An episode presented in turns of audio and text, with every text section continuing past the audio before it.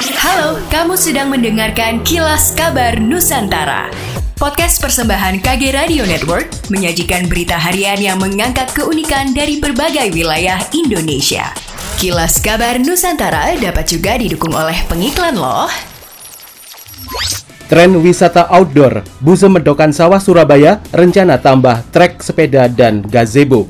Wisata outdoor tampaknya akan menjadi tren rekreasi di tengah pandemi, khususnya pada daerah yang berhasil menekan dan menurunkan level PPKM atau berada pada zona hijau. Di Surabaya misalnya, yang saat ini telah berada pada level 2 PPKM, juga berencana menyiapkan tempat hiburan atau rekreasi luar ruangan atau outdoor di kawasan Busa Medokan Sawah Timur, Kecamatan Gunung Anyar dengan luasan wilayah yang mencapai hingga 16 hektar yang saat ini sudah dilengkapi tempat bermain anak hingga wahana wahana sepeda air.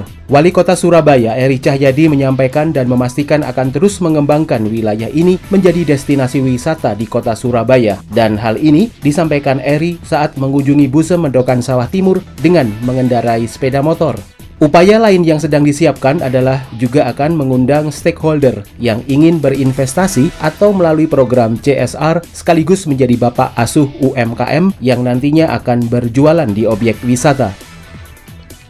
Pemko Banjarmasin mengirim tim relawan untuk membantu warga Kalimantan Tengah yang terdampak musibah banjir termasuk bantuan logistik dan keperluan lain.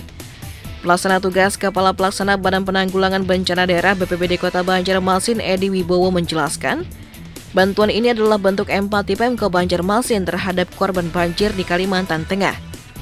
Apalagi daerah itu juga memberikan bantuan untuk warga Banjarmasin yang sempat dilanda banjir besar pada awal tahun ini. Edi menambahkan bantuan difokuskan di Kabupaten Katingan yang dianggap paling parah terdampak, di mana ada 10 personel BPBD beserta perahu karet, tabung oksigen, dan jaket keselamatan guna membantu proses evakuasi warga. Kemudian juga diberikan makanan siap saji berupa mie instan 300 dus dan selimut 100 lembar untuk dibagikan kepada warga yang terdampak banjir. Demikianlah kilas kabar Nusantara petang ini.